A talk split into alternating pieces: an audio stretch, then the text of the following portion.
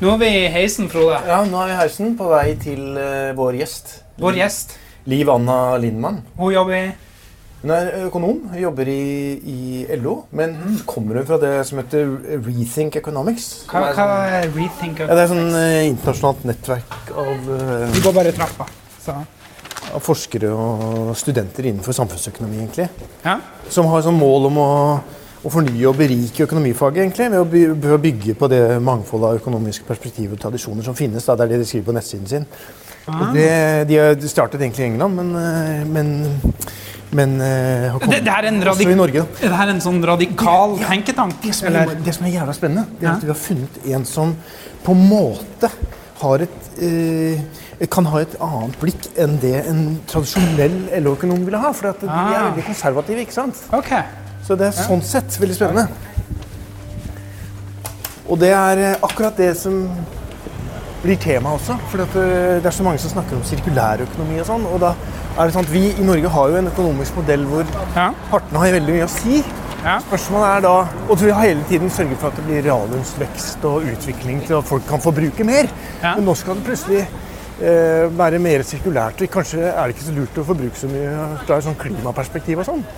Så hvordan er dette mulig å kombinere? Og da er hun veldig spennende å spørre. Det er spennende. så Vi har ikke lang veien å gå, for vi, vi jobber jo for uh, LO-forbundet FLT til vanlig. og Vi er egentlig bare rett over gata. Vi kan gå den veien eh, til eh, andre sida av Youngstorget. Ja da.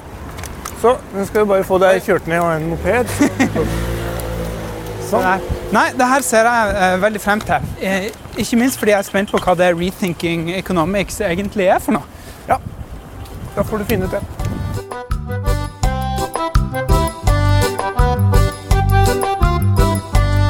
Ja, da Vi sto på oss i et uh, konferanserom nå i å bygge, Frode. Du må fortelle litt om hvordan det ser ut. da. Det er jo, Her er det f.eks. en fane fra 1920, ser jeg. Ja, den fanen Det er veldig ærverdig, selvfølgelig.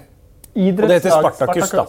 Ja. Det er sånn greie fra arbeiderbevegelsens yngre år, så het det sånne greske ting. Altså sånne idrettslag og fritidsgreier. sånn. Men eh, Liv Anna Lindmann, tusen takk for at vi får komme på besøk. Tusen takk for at dere ville komme på besøk. Det syns jeg var veldig morsomt og hyggelig. Ja, nå skal vi teste deg, for vi skal gå rett på sak. Vi er jo kommet hit egentlig for å spørre om eh, Hvis vi skal ha mer sirkulærøkonomi og sånn, og eh, kan vi da ha samme system med fortsatt så mye reallønnsvekst som eh, vi har hatt til nå? Opp gjennom etterkrigstiden har vi et system som lar seg forene og få til det. Det er det jeg har tenkt å Det er den prøven vi skal sette deg på, for, å si det sånn.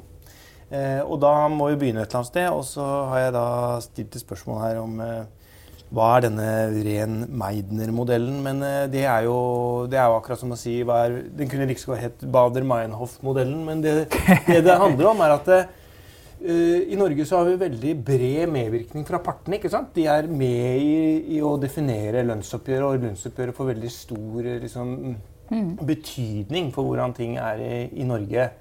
Og det har vi tatt ut vesentlig Vi har tatt det litt ut i tid, men vi har tatt det veldig mye i kjøpekraft til nå. Og hvis vi skal ha mindre forbruk, så kan vi vel ikke fortsette med den der forbruksspiralen hele tiden. Så at, eh, spørsmålet er liksom Den der modellen vi har hatt til nå, hvordan er det den egentlig funker? Ja. Altså denne eh, modellen, eller man kan også kalle det egentlig en plan. Ja, sant? det er- jo litt, det er litt greiere. Det er bare at økonomer de liker at det heter modell. ja. Eh, Men ofte så er det egentlig en plan med noen mål. Ikke sant? Hvordan kommer vi til de måla? Hvordan, hvordan får vi til det vi har lyst til å gjøre? Og, og det er ofte veldig politisk. Sant? Og, og samfunnsøkonomi het, jo før politisk økonomi, og det er jo, det er jo en grunn til det. Mm. Politikk og økonomi det henger veldig tett Er det derfor det heter det i, i utlandet fremdeles? Eh, nei. Dette er en helt annen historie. Ja, ja, ja, som Vi kan ha en helt annen podkast om eh, utviklingen til økonomifaget. Men, men, eh, men jeg vil i hvert fall si det. Og jeg er en av de, økonomene som mener at eh, politikk og økonomi det kan vi ikke se fra hverandre. Og så vil jeg kalle at så denne ren Meidner-modellen, som på en måte er den samfunnsmodellen som vi eh, fortsatt eh, baserer veldig mye av politikken vår på, mm. det, er, det er en plan. Det er en plan, og den fikk det navnet av de svenske økonomene som utarbeida den etter andre verdenskrig, med det bakteppet det hadde. Eh, og det var en plan som var eh, veldig god, og som på en måte eh, var en slags formalisering eh, av eh, ja, det man ønska å gjøre etter krigen. Mm. og da blir det kalt modell. da, ikke sant? Ja. Eh, så, men, men denne, denne, modellen kommer jo også på plass. ikke sant? Det er politisk eh, arena her, og man har begynt å se at eh, det, er, det, er, et problem i samfunnet. Vi, en, vi, hadde en slags klassekamp. Man kan jo si at man det, har det fortsatt. Eh, det, det, er opp til hvem som definerer det. Eh, men det ble altså i Norden spesielt da, jobbet aktivt og konstruktivt vil jeg si, for å prøve å liksom forene partene. ikke sant? Og Det var jo det du var inne på. Dempe motsetningen mellom klassene. Man hadde en slags forståelse for at uh, det ville gagne alle. Det ville gagne samfunnet. Uh, så det skjer jo da ikke sant, i første halvdel av 1900-tallet, og så har du masse krig og elendighet. Og man får andre verdenskrig, som, som rett og slett ødelegger Europa på veldig mange måter. Uh, og da Eh, ble det veldig viktig å eh, bygge på, på hovedavtalen som vi fikk i landet i 1935, med en sånn mer formalisert modell for den økonomiske politikken. Samtidig så får også økonomene en mye mer sånn høyere status i samfunnet. For det blir veldig eh, viktig med økonomene når man skal bygge noe opp. Det er da, mm. da, vi virkelig får dette fokuset på økonomisk vekst. Nettopp. Og det er jo veldig viktig å tenke på at Derfor må vi sitte og diskutere dette i dag. fordi at nå er vi ikke i et Europa rammet av krig og elendighet. Vi er ikke i et Europa med høy befolkningsvekst med store forskjeller mellom folk. Vi er et helt annet Europa. da. Mm. Og vi har på en måte kanskje brukt veldig mye av det potensialet som lå i den modellen. Og Derfor må vi begynne å snakke om modellen da, og hvordan den skal eh, benyttes videre, tenker jeg. Hvordan virker den? Ja. Eh, ja. Altså det, det, som er eh, eh, viktig når man tenker på denne modellen, er at den er en modell som ser på eh, samspill i økonomien. Eh, og hvordan man kan få til en god maktbalanse. Og så hvis vi går litt inn i nerdeting her, så kan man si at den bygger på eh, teorier fra datidens liksom, store økonom John Maynard Kanes. Ja, kan du si litt om han først? Hvem er egentlig John Maynard Kanes? Så John Maynard Kanes er eh, jeg vil si forrige århundres viktigste økonom. Eh, han var en økonom som ble veldig viktig eh, fordi han kom med veldig gode teorier om hvordan kan vi skape aktivitet i økonomien igjen. Mm. Vi har jo hatt finanskrise nå for ti år siden, men den finanskrisa som utspant seg på eh, slutten av 20-tallet, den rammet voldsomt og hardt. Og det var stor interesse jevnt over for å prøve å se ok, hvordan kom vi oss ut av den eh, økonomiske krisen. John Maynard Kanes eh, kom med eh, teorier som hørtes fornuftig ut, og som ble satt ut i livet i mm. flere land. Um, og eh, fikk altså med sine eh, teorier satt ut i livet, så fikk han veksten opp igjen. da. Ja, for Det er vel særlig det der at du skal gi gass i motbakke, på en måte, som er hans greie? er det ikke Definitivt. Definitivt. Mm. Og det er jo det så Hvis man sier at vi skal fortsette på dette samspillet, så er det jo disse teoriene. ikke sant? Eh, Keynesiansk økonomisk teori som handler om at du må skape mer etterspørsel mm. i økonomien. ikke sant? Noen må, må ønske å få fart i ting igjen. Eh, reallønnsutvikling. Mm. Eh, en aktiv arbeidsmarkedspolitikk og myndighetsintervensjon. Ja, veldig Det er økonomispråk, altså. Ja, ja, ja. Eh, hvis jeg forstår det riktig, så, så handler det om at istedenfor at uh, når, det, noe må, når, det, går litt dårlig og litt trått, så vil du Din naturlige refleks er å spare. Mm. Og da faller jo eh, aktiviteten som man egentlig trenger. Ja. Slik at uh, Da er det staten eller noen andre som på en måte da bevisst gir gass og sprøyter inn, sier at vi skal ha de og de broene, vi skal komme i gang med de og de tingene. Som gjør at det på en måte igjen Sørger for at det er sysselsetting? Ja. ja, rett og slett får ja. motoren til å gå, da. Like. Så det, det, som skjer, er jo at uh, vi, i gode tider så fungerer jo markedskreftene. Mm. Da er det tilbud, da er det etterspørsel, ting går sin gang. Og så skjer det et eller annet, og det kan jo være en koronapandemi, det kan være eh, at plutselig et veldig viktig marked har fått lov til å få oppblåst prisene sine for mye, og så kollapser det. Så det er sånne store bevegelser. Det kan være krig. Ja, diverse ting kan skape økonomisk krise og gjøre at liksom, markedsmekanismen ikke fungerer.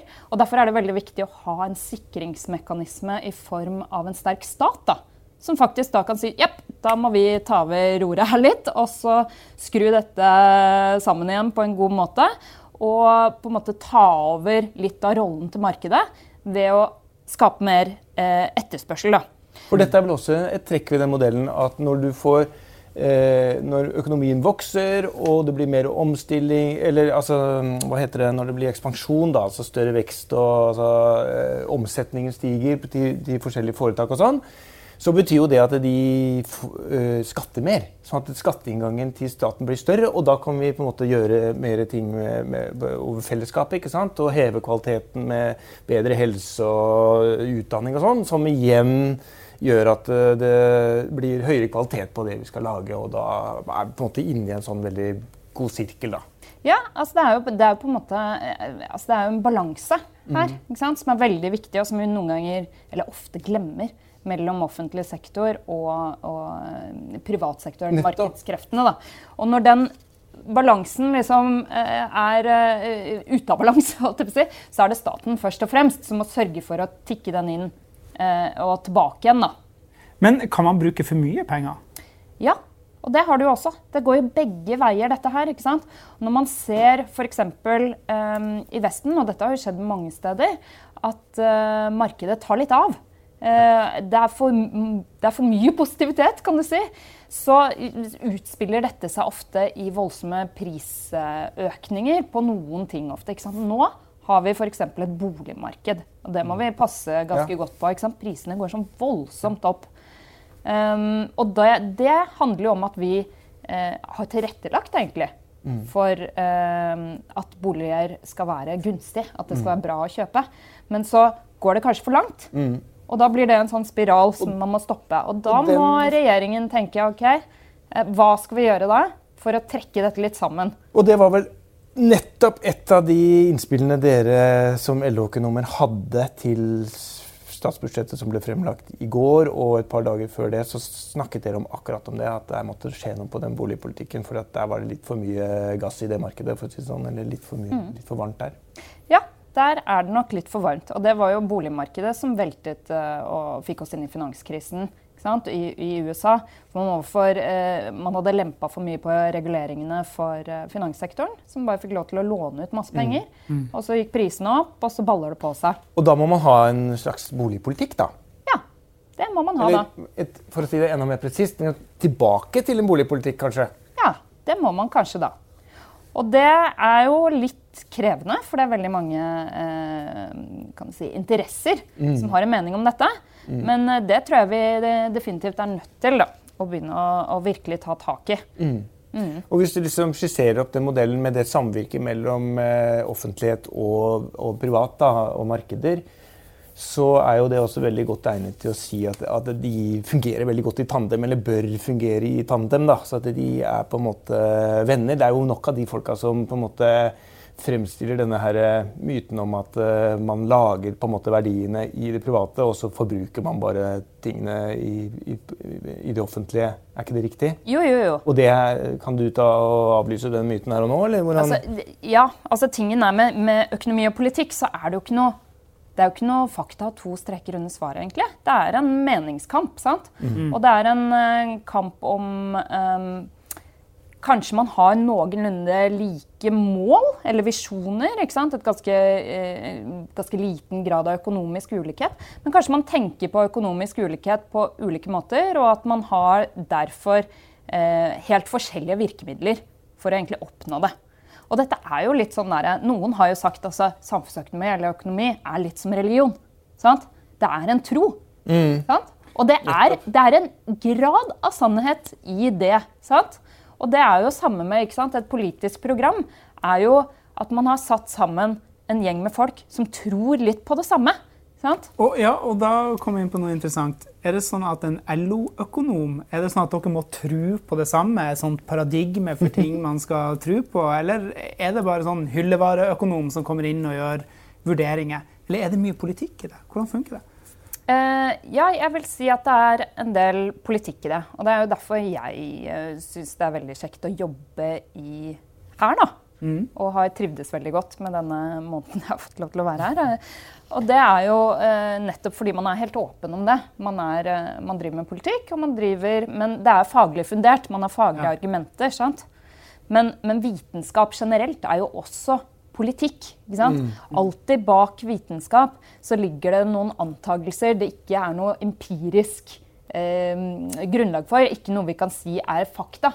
Du må anta noe om verden. Hva betyr empirisk grunnlag? Det betyr altså at man ikke kan ja, at man ikke kan gå ut og se det skje.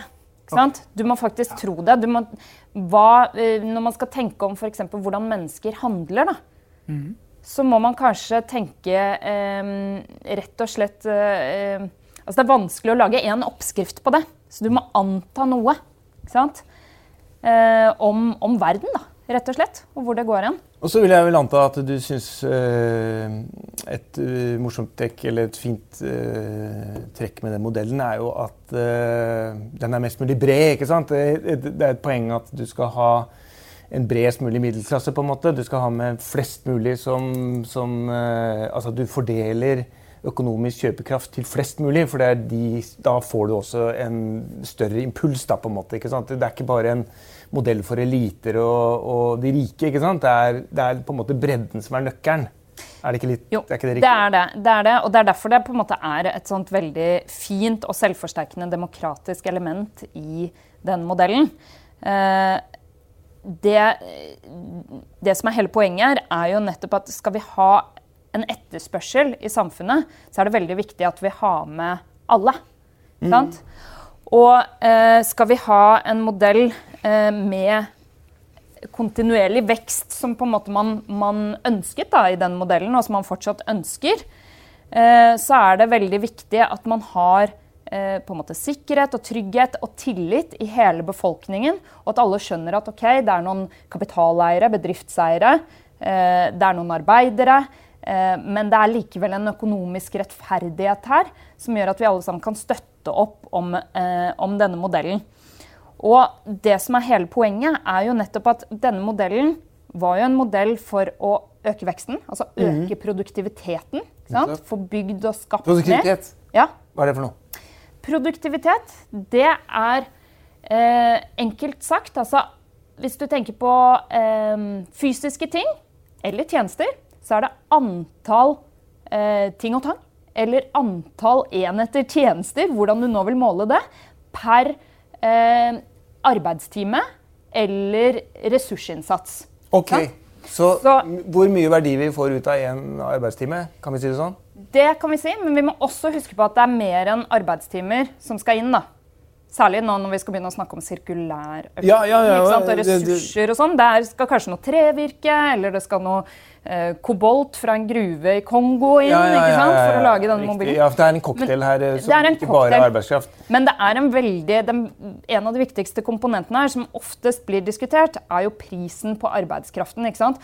Hvor mye får du skapt da, med en arbeidstid. Og den er vi også veldig opptatt av, fordi den er jo en, veldig ofte en kritikk av, eh, av organisasjonsinstituttet. Det er at fagbevegelsen bidrar til å presse lønningene oppover. Og da blir det Det er veldig det er skummelt. og det er farlig, da. Men, ja. hvor, men, så finnes det et alternativ take på akkurat den. Og det, ja. hva er det for noe? Det, det, som jeg bare vil understreke når vi snakker om denne modellen, er jo at de så for seg at vi skal ha en økt eh, vekst. ikke sant? Og da sier vi produktivitetsvekst. Eh, og eh, for at alle skal bli med på det, så må vi også ha det slik at arbeidstakerne får ta del i den veksten. Ja, nettopp. Det er litt sånn å snu det på hodet. At veksten det gjør at vi må ha med oss arbeidstakerne, og da må vi ha reallønnsvekst. da. Sant? Ja, for det, det, her handler om at man skaper verdier i økonomien.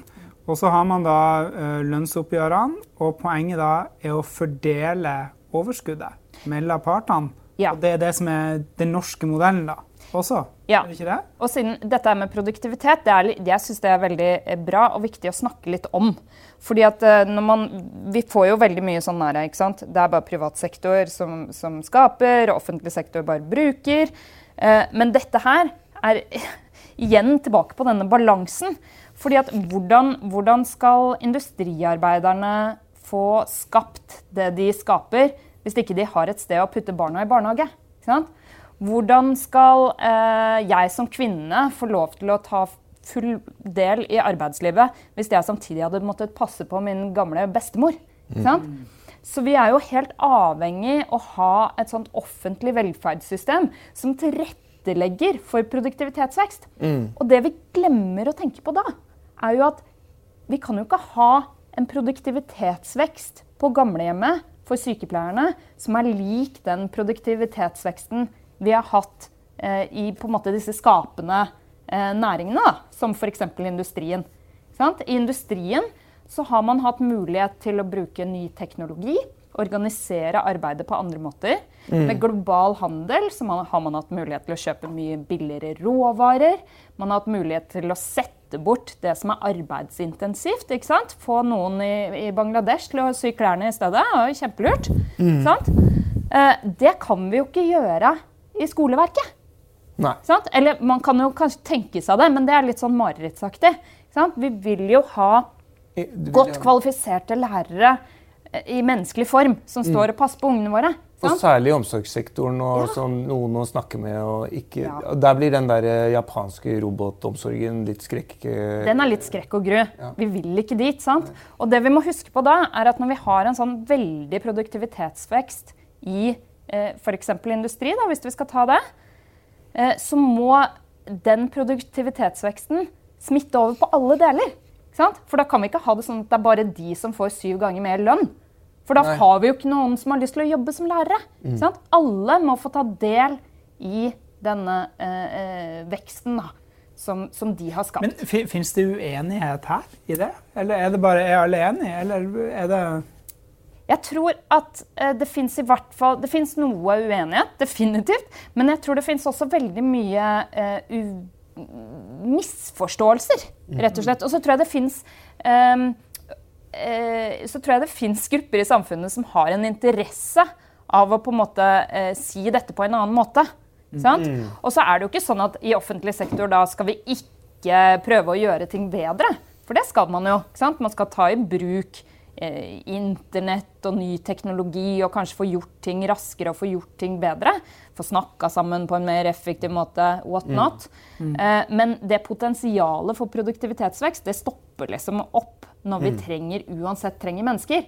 Og når den, de produktive menneskene i i eh, frontfagene si, eller industrien som får solgt produktene våre ute, selv om lønna deres er høy, fordi vi er så utrolig flinke til å gjøre det. Når de liksom drar opp lønna på denne måten, så må vi sørge for at lærerne også får den lønna de trenger, sånn at de kan passe på ungene til industriarbeiderne etc. Det var nesten helt uh, inngang til en hel Vi må tilbake og gjøre en podkast til, tror jeg. Om, Ja. eh, det er ganske avanserte greier, dette her, Ja. egentlig. Og Ja. vi skulle hatt bedre tid også. Men, men bottom line er at denne modellen egentlig bygger på en forutsetning om evig økonomisk vekst, ikke sant? Ja, jeg vil jo pirke, jeg vil pirke litt i det, da. Du pirker tilbake! Ja, jeg pirker, Yes. pirker, pirker ja, ja, litt bra. tilbake i det. Eh, fordi at jeg vil heller si at denne modellen bygger på en forutsetning om eh, liten grad av økonomisk ulikhet. Men den skaper økonomisk vekst. Sant? Den bygger ikke Ja. økonomisk vekst, men den skaper økonomisk vekst. Det var derfor du snudde på det i sted og sa at eh, det var det demokratiske elementet. Ja, du begynte Ja, i den andre enden. Det er det den bygger på. ikke Ja. sant? At, at medvirkning og Ønske om eh, fordeling og likhet, maktutligning. ikke sant? Mm, likhet. Ja. Yes. Ja, kan vi, kan vi være der når vi skal inn i det sirkulære økonomiske, da? Altså, jeg tror jo at eh, det er eh, helt nødvendig. Ellers ellers må vi ha eh, Ellers så går vi bort ifra veldig mange demokratiske prinsipper. Men fra sirkulær økonomi til klimautfordringer. Den norske modellen som, eh, som vi har nå, eh, hvordan, vil, hvordan kan vi utnytte den hvis vi vil få ned utslipp? Er det, en, er det en sammenheng her? Er det en fordel? Eller må vi tenke helt nytt? Er evig vekst noe som kan gå hånd i hånd med å få ned klimautslipp? Um, her eh, Nå tar jeg på meg også liksom, eh, en eh, Rethinking Economics-hatt. Eh, ja, fordi at du er også, det, det, var vi inne på i starten, du er også med i ei gruppe med økonomer som, som uh, har en sånn liten tenketank, kan vi kalle det? Ja, en slags tenketank kan man jo si. Ja. ja. Og Rethinking Economics, og der har dere tenkt litt rundt denne problemstillinga òg? Ja, altså det, ja, det blir kanskje litt vi er, eh, vi er ikke noe tenketank, men vi er en slags sånn kunnskapsorganisasjon. Vi er en organisasjon som mener at vi må diskutere eh, og vise fram det mangfoldet da, av økonomiske teorier og økonomisk tankegang som fins der ute. Og så sier ikke vi at det er dette vi skal, det er eh, kast det på båten, eh, vi skal ha denne og denne modellen. Altså, sånn sett så, så kjører ikke vi noe egen sånn politisk agenda. Vår agenda er jo på en måte å vise frem at eh, jeg tror vi må, må åpne opp øynene for at det fins mange måter å tenke på, mm. og at vi trenger det mangfoldet for å finne de beste eh, veiene fremover. Da. Men eh, tilbake til det med, med klimautfordringen og evig vekst. Ja, og jeg vil jo også si at det er ikke bare klimautfordring, det er en eh, økologisk utfordring. Det er en naturmangfoldsutfordring. Det handler om eh, bærekraften. da til eh, på en måte det menneskelige samfunnet. Altså, Vi må ta vare på ressursene vi skal leve av, mm. ellers så kommer vi til å slite eh, mer og mer fremover. Ja. Og klima er en stor del av dette. Klima og, og eh, på en måte det, alle de elementene som gjør at artene våre forsvinner, eh, det må vi sette i sammenheng. Og når du eh, da, ikke sant, så, vi, så, så, så ville vi jo på en måte prøve å peile oss inn litt på dette her med veksten. Yes. Ikke sant? Og greia er at Hvis du stadig vekk skal få mer å rytte med, da, som du skal ta ut i forbruk, så vil jo bare den motoren gå, eller den der eh, sirkelen der gå bare fortere og fortere. egentlig, Og bruke med enda mer ressurser og alle de tingene med artsmangfold og alt det du sier som vi egentlig må snu. da. Mm. Så det, det, blir like interessant. Kan fagbevegelsen drive og pushe at vi skal ha stadig mer, mer i, lønns, i lønnsøkning som vi skal ta ut på forbruk? Mm. Uh, ja. Og da litt tilbake igjen til det jeg sa. Altså, så lenge vi har økonomisk vekst, så lenge det er målet, så må lønnstakerne bli med. Men hvis vi klarer å finne ut um, Kanskje ikke uh, at vi ikke skal ha vekst, men kanskje vi skal ha vekst på en annen måte. Kanskje mm. det er liksom måten vi måler vekst. Den må vi begynne å tenke en del rundt. Hvilke alternativer har vi, Ivana? Ja, altså der, eh, der, eh, er det jo en veldig levende debatt allerede, vil jeg si da. Eh, og det er forskjellige grupper, og det er FN og overnasjonale institusjoner og masse folk som snakker om dette her. Fordi dette her med BNP-vekst, eller brutto nasjonalprodukt, som vi bruker nå, som egentlig handler om liksom, sant, hvor mye materialer vi skaper, som vi da måler i penger. Mm. Eh, ikke sant? Materialt ordmål er en norsk oppfinnelse, men ok. Ja, ikke sant?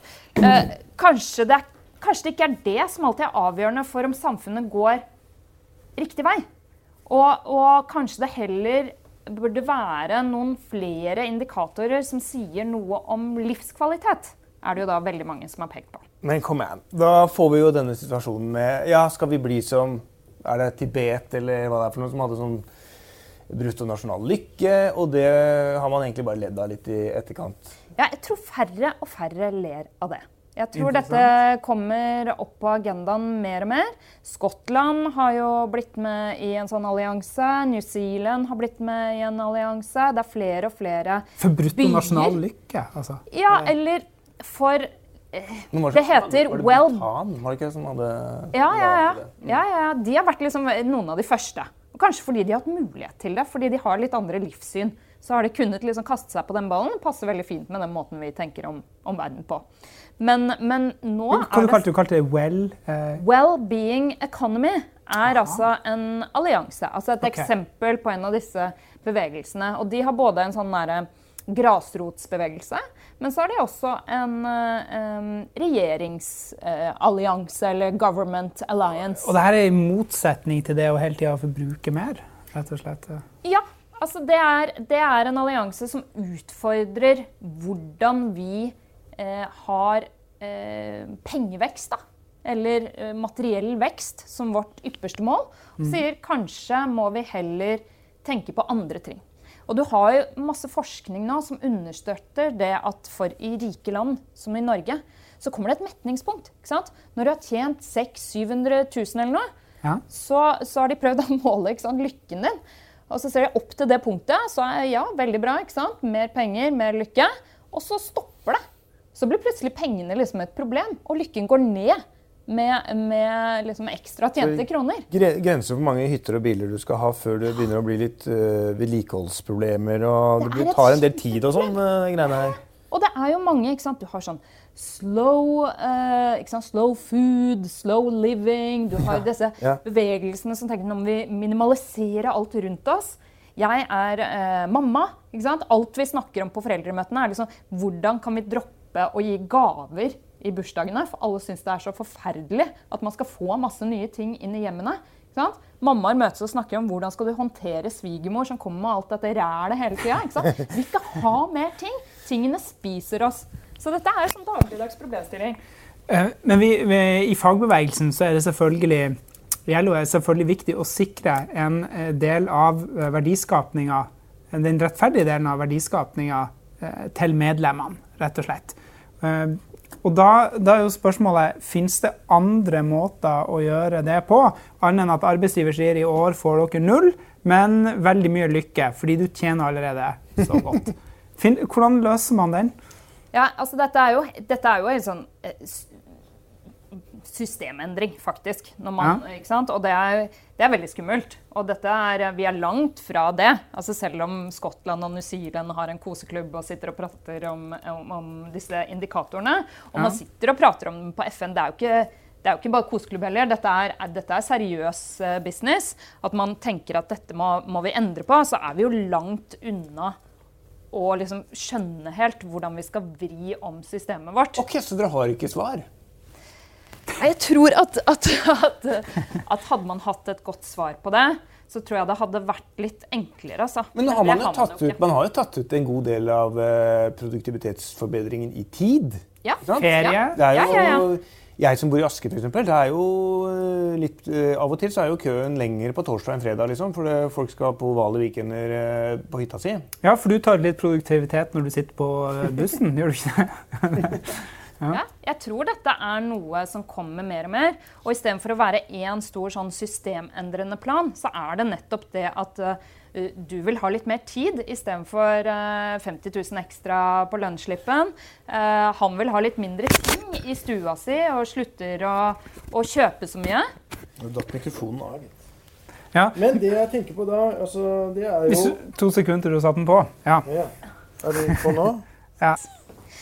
Nei, altså Poenget mitt er at eh, jeg tror ikke vi trenger å lage en sånn voldsom plan faktisk, for å snu dette systemet rundt. Jeg tror at nå er vi inne i en tid hvor man ser at for det første så sitter vi og snakker om dette her.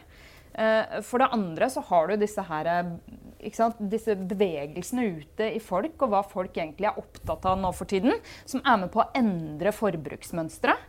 Eh, For det tredje så er det en god del økonomer og forskere der ute nå som sier at vi har jo egentlig ikke eh, vekst lenger. Men da må du hjelpe meg med følgende eh, liksom. Jeg tenker at en fallgruve er at noen på vegne av andre, altså sånne forhandlingsutvalg og sånn i fagbevegelsen, skal liksom bestemme at de skal ta ut deres del av verdiskapingen, eller det som på en måte er veksten, i tid. Og så er det noen sånne Trygve Hegnar-typer som skal på en måte ta de penger. Ja. Og så blir liksom ulikheten bare større, og det er satt i system. Hvordan skal du berolige de folka? Nei, jeg, jeg tenker jo at det er jo Da er vi inne på liksom hovedutfordringen i dag, egentlig. Og det, for det vi har sett de siste 20 årene, er fordi veksten har begynt å ta en helt annen form. Vi har liksom brukt opp vekstpotensialet til å bygge opp Europa, og sånn, og vi har måttet finne på masse nye produkter. Og vi har gjort økonomien vår veldig kompleks, og vi har lagd en kjempestor finanssektor. Eh, som nå liksom er, er mer kanskje et mål enn middel. ikke sant? Og, og så har ulikheten økt. Og den har økt eh, ganske drastisk. Og fra i, altså på OECD, eh, Av OECD-land så er jo Norden eh, de landene med den raskeste økningen. Og det handler nok litt på, om at vi kommer fra de laveste nivåene. At vi driver og tar igjen litt de andre. Jo, men det er jo likevel ganske, nettopp derfor litt ille. For vi har jo på en måte lagt såpass mye politisk prestisje i det etterkrigsprosjektet om at det ikke skulle være sånn. Ja, Så ja, ja, ja. Og det- dette, er ikke, dette er eh, ikke good news. Nei, dette er ikke good news. Og dette er, begynner å komme opp eh, øverst på agendaen til LO. Så dette her med å eh, nå finne ut hvordan skal vi innrette politikken vår sånn at vi eh, får mindre ulikhet, eller stagnerer liksom veksten i den økonomiske ulikheten og egentlig reverserer den, det er, eh, det er noe av det viktigste vi må gjøre. Og vi var jo inne på det litt i sted. ikke sant? Denne her forskjellen mellom hvem eh, er produktive, og hvem er det som ikke er produktive. Ikke sant? Og, og da ha gode modeller for hvordan vi likevel klarer å dele av den produktiviteten til de som ikke er produktive, men som vi likevel trenger. Vil ikke noen med en gang si at det er urettferdig? Blir ikke da liksom ja, full fyr i den Blir ikke da full fyr i den uh, skepsisen eller den der myten om at uh, noen produserer mens andre forbruker? Uh, jo, men jeg tror det er dette. Her er det liksom, vi må faktisk ha litt sånn folkeopplysning på hvordan dette fungerer, og at det er den vekselvirkningen. At vi er helt avhengig av de som ikke er så produktive i pengeform, men som likevel er helt essensielle for å kunne tilrettelegge for de produktive. Et normativt pekefingerprosjekt som kommer fra, på innsiden av LO? Skal det selge liksom Nei, ikke et normativ, men kanskje, kanskje at vi burde være litt flinkere da, til å rett og slett fortelle om den norske modellen. ikke sant? Og fortelle Yes. hvordan har vi klart å få til det vi har fått til. Og hvorfor må vi jobbe for å styrke denne modellen, og særlig i en stadig mer globalisert eh, økonomi, hvor forskjellen blir større og større. Sant? Og konkurransen er hardere og hardere. Men er det en eh, Hvis du er høyere utdanna, og så eh, skal du fagorganisere deg, og så skal du da velge å bli med f.eks. Eh, i LO. Eh, Hvorfor skal du gjøre det hvis du i utgangspunktet har bare lyst på høyest mulig lønn og mest mulig fri og høyest mulig forbruk? Hva er, hva er argumentet til de som kommer ut fra universitet og tekniske fagskoler i dag? Jeg tror eh, hovedargumentet mitt nå er jo at eh, det å være organisert, det å være med i fagforeningen og være med i, i LO, det er med på å eh, stagnere den økonomiske ulikheten i Norge. Noe som er kjempeviktig for eh, rett og slett altså hele samfunnsmodellen vår. Tryggheten, sikkerheten, velferdsstaten, tilliten vi har til hverandre. Eh, så være med på på en måte utjevne denne balansen. Da. Mm. sant? Maktbalansen. Sørge for at den opprettholdes.